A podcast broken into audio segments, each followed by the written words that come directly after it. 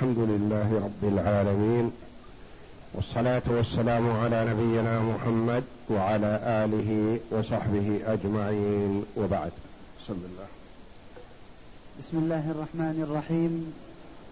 قال المؤلف رحمه الله تعالى فصل فإن جنى على سيده جناية لا توجب قصاصا فهي هدر.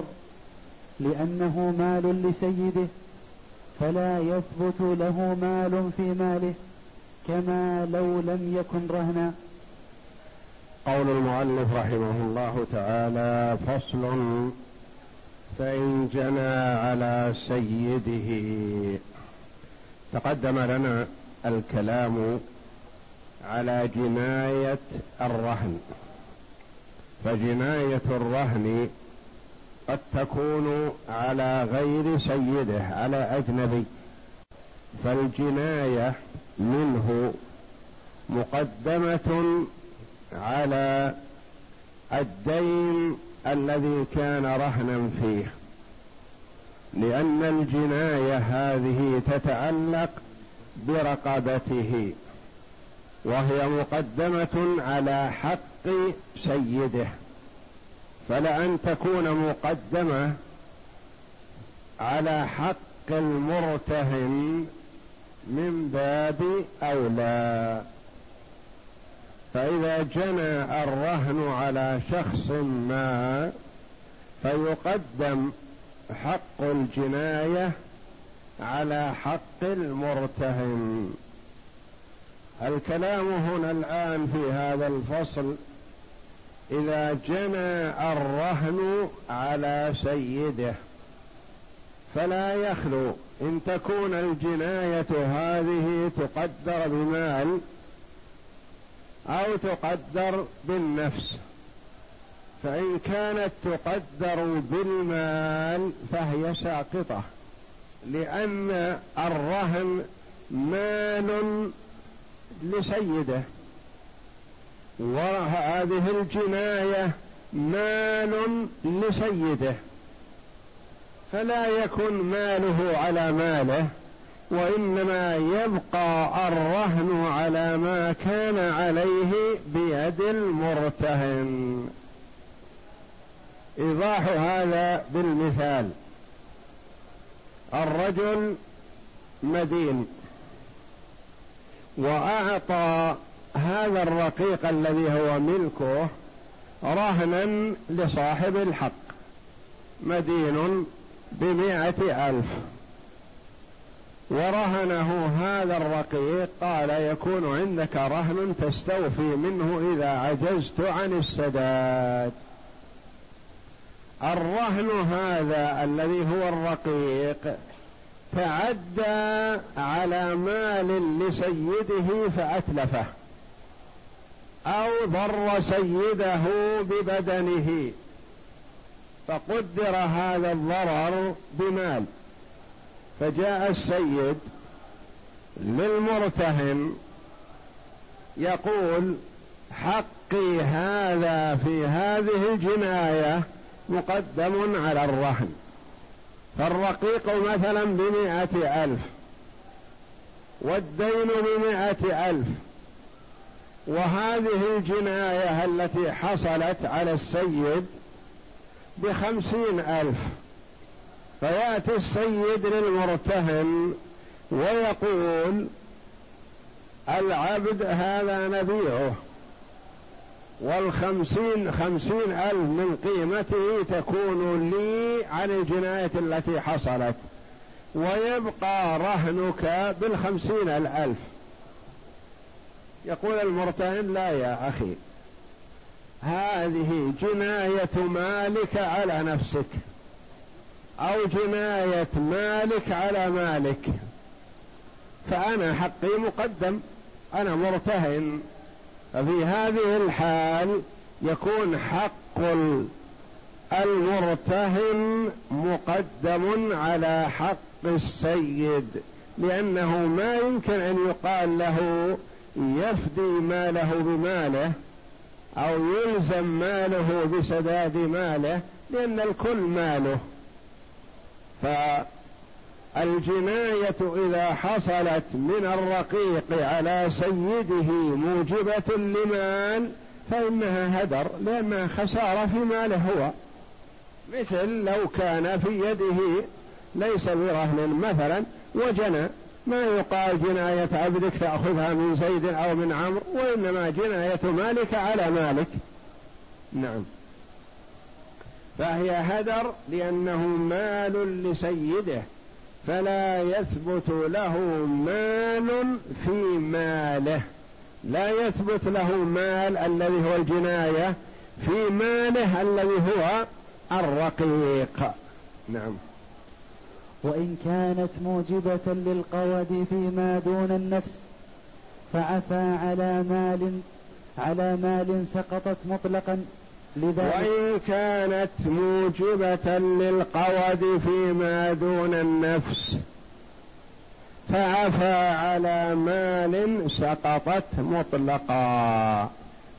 لذلك لو كانت جناية العبد على سيده ببتر يده أو رجله أو فقع عينه. فالسيد في هذه الحال له الحق في أحد أمرين. إن شاء القصاص فمن حقه وإن شاء قال أريد مال. بدل ما هذا الرقيق مرهون رهن نبيعه ونأخذ آخذ حق الجناية هذه والباقي يبقى رهن. إذا طلب القصاص كما سيأتينا فمن حقه ذلك. لأن القصاص ليس مرادا به المال وإنما مرادا به الردع والتأديب والزجر. فيقول هذا فقع عيني. فإذا سامحته وتركته بدون قصاص ربما تعدى الرقيق الآخر وقطع رجلي. وقال السيد يسمح فأنا أريد القصاص من رقيقي نقول من حقك. ما أحد يعترض عليك في طلب القصاص. لكن السيد عفى قال أنا عافي عن القصاص لكن أريد مال. منين المال؟ قال من رقبته. كما لو جنى على أجنبي. نأخذ عليه الإقرار بهذا حتى لا يتراجع. يقول إني موافق على التنازل عن القصاص وأريد مالا من رقبته. فإذا قرر هذا قلنا المال مالك وليس لك مال من مالك وإنما مالك رهن. وحق المرتهن مقدم على حقك. إنك هو ملكك في الأصل فأنت بذلته للمرتهن. فلا يمكن أن تستعيده وتقول أريد مال. وإن كانت يعني الجناية موجبة للقود فيما دون النفس. موجبة للقود لأن في قود في النفس وقود فيما دون النفس. قود فيما دون النفس يعني في اليد في الرجل في العين في الأذن في السن القصاص. وقود في النفس يعني إذا قتل النفس دفعة واحدة. فهذا الكلام فيما إذا كان القود فيما دون النفس لأجل أن نعرف أن السيد موجود باقي. يملك العفو ويملك المطالبة. فقال أنا ما أستفيد من القصاص من فقع عين رقيقي أو قطع أذنه لكن أريد أن أشارك المرتهن في القيمة. أريد مال. فإذا قرر لنا هذا إنه تنازل عن القود وأراد المال نقول والمال من باب أولى يسقط لأنه لا يكون لك مال على مالك. سقطت مطلقا لذلك. نعم. وإن أحبه وإن أحب القصاص فله ذلك لأن القصاص يجب للزجر والحاجة تدعو إلى زجره عن سيده.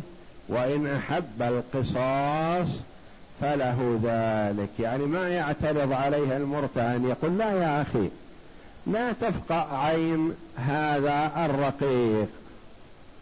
الرقيق رهن في ديني أنا وديني مئة ألف. والرقيق هذا إذا فقعت عينه صار ما يساوي إلا خمسين. فلا تفقع عينه. نقول لا القصاص مقصود. وليس القصاص مجرد انتقام أو مجرد تشفي وإنما فيه تاديب للمجتمع ككل والقصاص في النفس فيه حياة سماه الله جل وعلا الذي هو قتل سماه الله حياة لما فيه من الفوائد. والله جل وعلا يقول ولكم في القصاص حياة. قد يقول قائل كيف يكون القصاص الذي هو القتل في حياة؟ نقول نعم في حياة للمجتمع في سلامة لأن المرء إذا عرف أنه سيقتص منه توقف عن القتل. فسلم من أراد قتله. ثم يسلم هو كذلك لأنه توقف لو قتل قتل. ثم يكون فيه زجر للمجتمع كله. من تسول له نفسه يقول أترصد لفلان وأقتله وأستريح منه. ثم ماذا؟ أسلم نفسي. والسجن خمس سنوات عشر سنوات. تتبدل الأحوال من حال إلى حال نطلع. فيحصل كثرة القتل بسبب هذا إذا لم يكن قصاص. وإذا عرف من يقدم على القتل بأن لأنه سيحكم عليه بالقصاص قال لا. ما الفائدة؟ أقتل هذا ثم أقتل أنا. يعني كأني قتلت نفسي. لا أتركه. فالقصاص زاجر للمجتمع كله. عن سفك الدماء.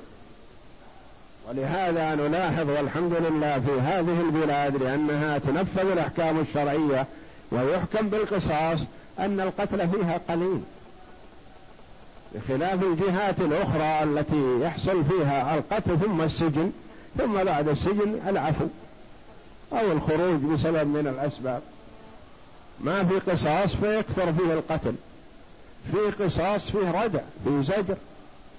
فالقصاص فيه مصالح عظيمة والله جل وعلا أحكم الحاكمين يقول ولكم في القصاص حياة يا أولي الألباب يا أصحاب العقول وإن أحب السيد القصاص قال ما أريد هذا فقع عيني وأتركه يمشي بعينين فقد فقع عيني. لا. أنا أقتص منه. يقول من حقك؟ يقول هذا كسر رجلي متعمدا أتركه يمشي هكذا بالرجلين الثنتين وأنا أعرج؟ لا خله مثلي. علشان تأديبا له وردعا لمن تسول له نفسه التعدي. لأن بعض الأرقة يشعر بالظلم ويشعر بالأذى من سيده فيتسلط عليه في وقت ما يكون عنده أحد فينتقم منه. وإن أحب القصاص فله ذلك يعني السيد أحب أن يقتص من عبده فله ذلك لأن القصاص يجب للزجر. ما هو بالصفة حق فقط بل فيه زجر. والحاجة تدعو إلى زجره عن سيده وزجر غيره ممن تسول له نفسه أن يفتك في المجتمع. نعم. وإن كانت على النفس فللورثة القصاص وليس لهم العفو على مال في أحد الوجهين لما ذكرنا في السيد ولأنهم يقومون مقام المورث وإن كانت على النفس يعني الجناية جناية الرقيق على نفس سيده ليست الجناية فيما دون النفس لأن الجناية جنايتان جناية فيما دون النفس وجناية على النفس. الرقيق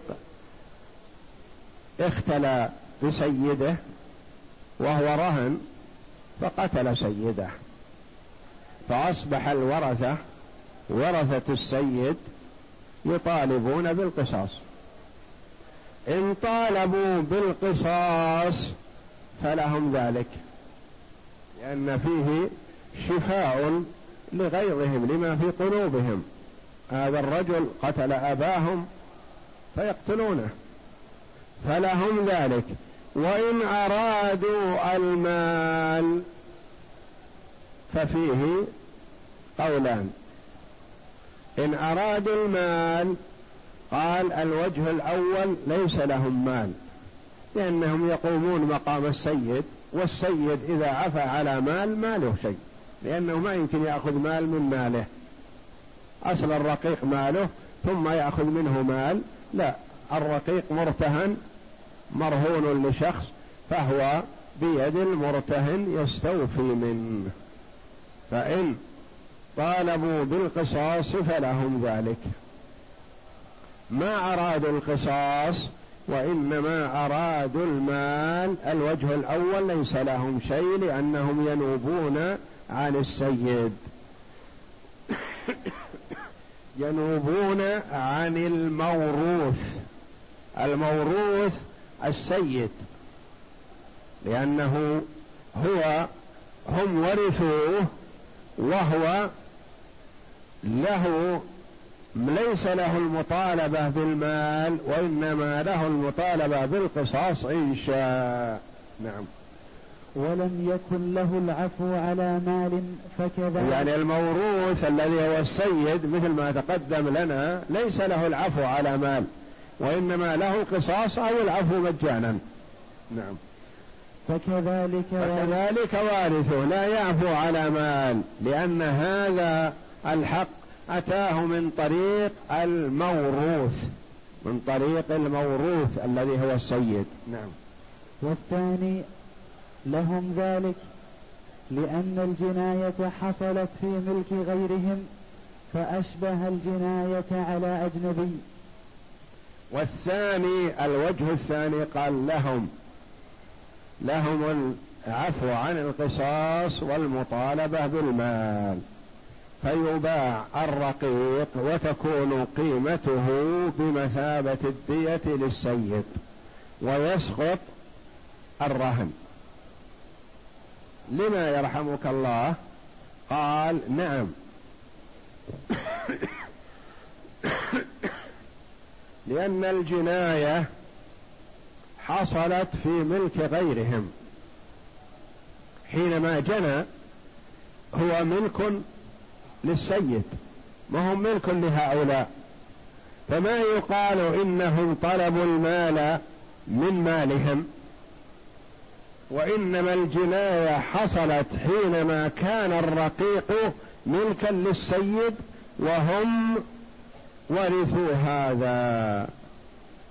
فقالوا كأن الجناية حصلت على أجنبي مثل الفصل الأول. يعني الجناية حصلت على غير من سيستلم المال. وقالوا لهم المطالبة بالمال لأن الجناية حصلت على السيد ولم تحصل عليهم فكأنها على أجنبي فمن حقهم المطالبة بالمال. نعم. فصل فإن جنى على مورث سيده ولم ينتقل الحق إلى سيده فهي جناية على أجنبي.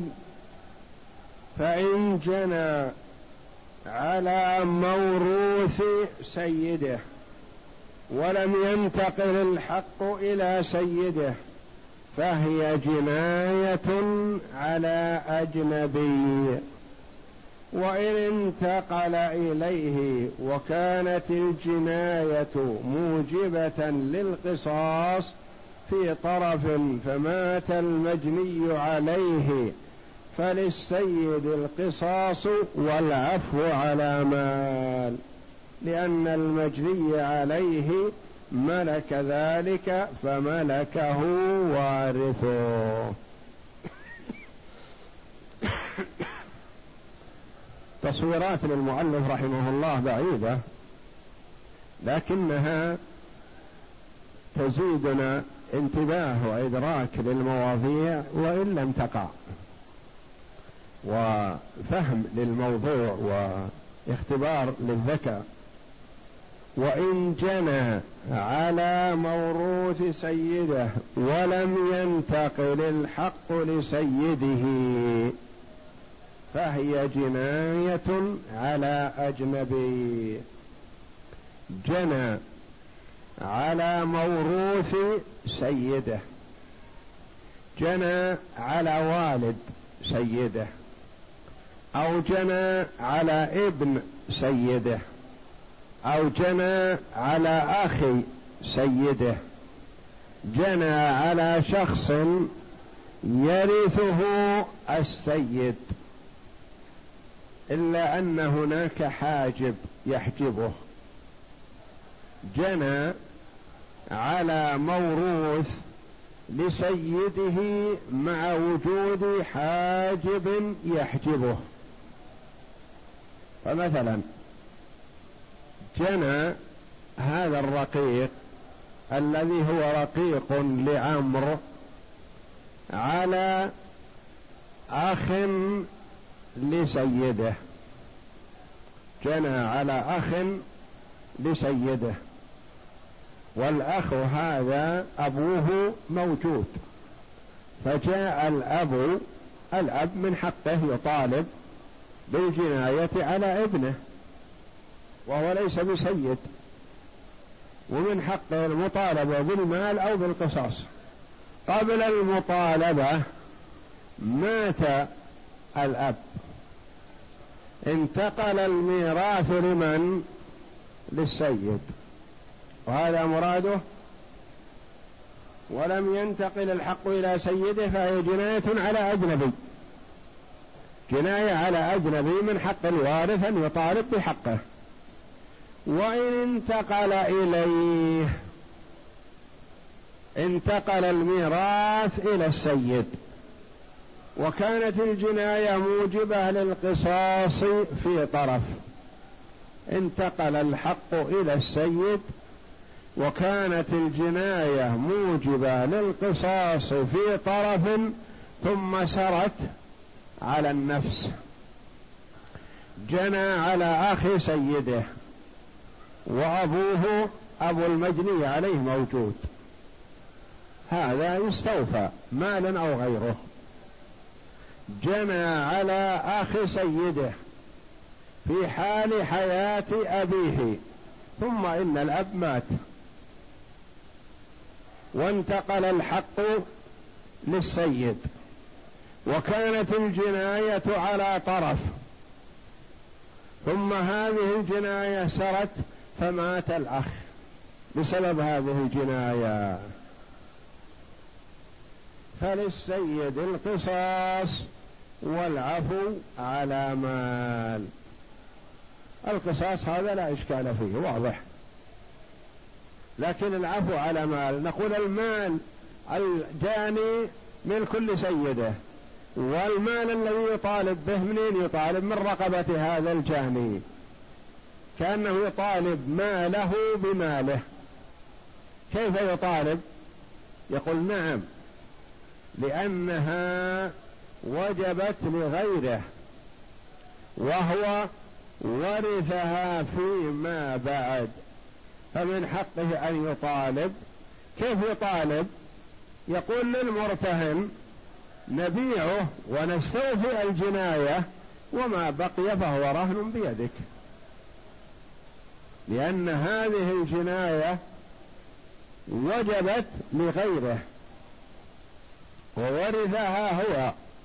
ثم مات المجني عليه فسرت إلى النفس فمن حقه أن يطالب بالمال أو يطالب بالقصاص.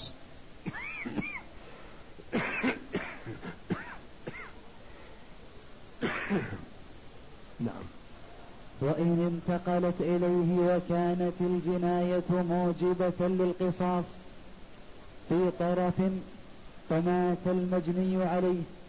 فللسيد القصاص والعفو على مال لأن المجني عليه ملك ذلك فملكه وارثه.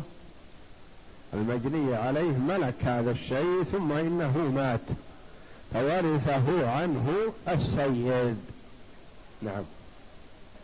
وإن كانت. وإن كانت على النفس فكذلك في أحد الوجهين. وإن كانت على النفس يعني الجناية على النفس من أول الأمر ليست على طرف وإنما هي على النفس من أول الأمر فمن حق السيد أن يتنازل على المال ويطالب بالمال من رقبة الجاني الذي هو الرقيق. نعم. والثاني ليس له العفو على مال. هذا الوجه الثاني. في أحد الوجهين الوجه الأول له العفو على مال والوجه الثاني ليس له العفو على مال كما لو كانت الجناية على نفسه.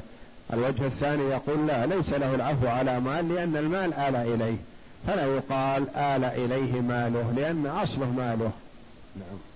كما لو كانت الجناية على نفسه وأصلهما هل يثبت للموروث ثم ينتقل إلى الوارث أم للوارث ابتداء؟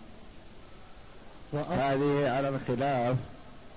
هل الجناية على النفس تثبت اولا للمجني عليه ثم تورث عنه أم تثبت من أول الأمر للوارث؟ فإذا كانت من أول الأمر تثبت للوارث فليس له العفو على مال لأنه كأنه يطالب ماله بماله. وأما إذا كانت تثبت للمجني عليه ثم تورث عنه فهو ورث هذا المال ولم يطالب ماله بماله وإنما ورث المال المجني عليه ثم آل إلى الوارث الذي هو السيد. نعم. وأصلهما هل يثبت للموروث ثم فإن قلنا يثبت للوارث ابتداء فليس له العفو على مال لأن ماله.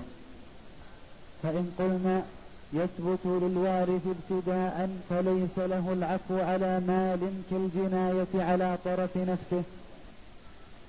وإن قلنا يثبت للموروث فله العفو على مال لأن المال للمجني عليه ثم آل إلى السيد بعد ذلك. نعم.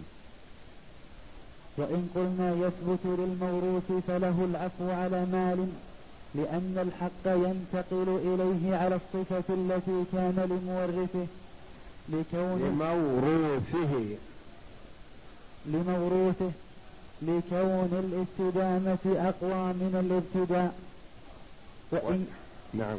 وإن كانت الجناية موجبة للمال أو كان للموروث قد عفى وإن كان الموروث قد عفى على مال ثبت ذلك للسيد لذلك فيقال كانت الجناية على الموروث موجبة للمال أصلا أو كان الموروث الذي هو المجني عليه قد عفى على مال قبل موته ثبت ذلك للسيد لذلك فيقدم به على المرتهن لأن المجني عليه في الأول عفى على مال جني عليه ثم على عفى على مال ثم سرت الجناية.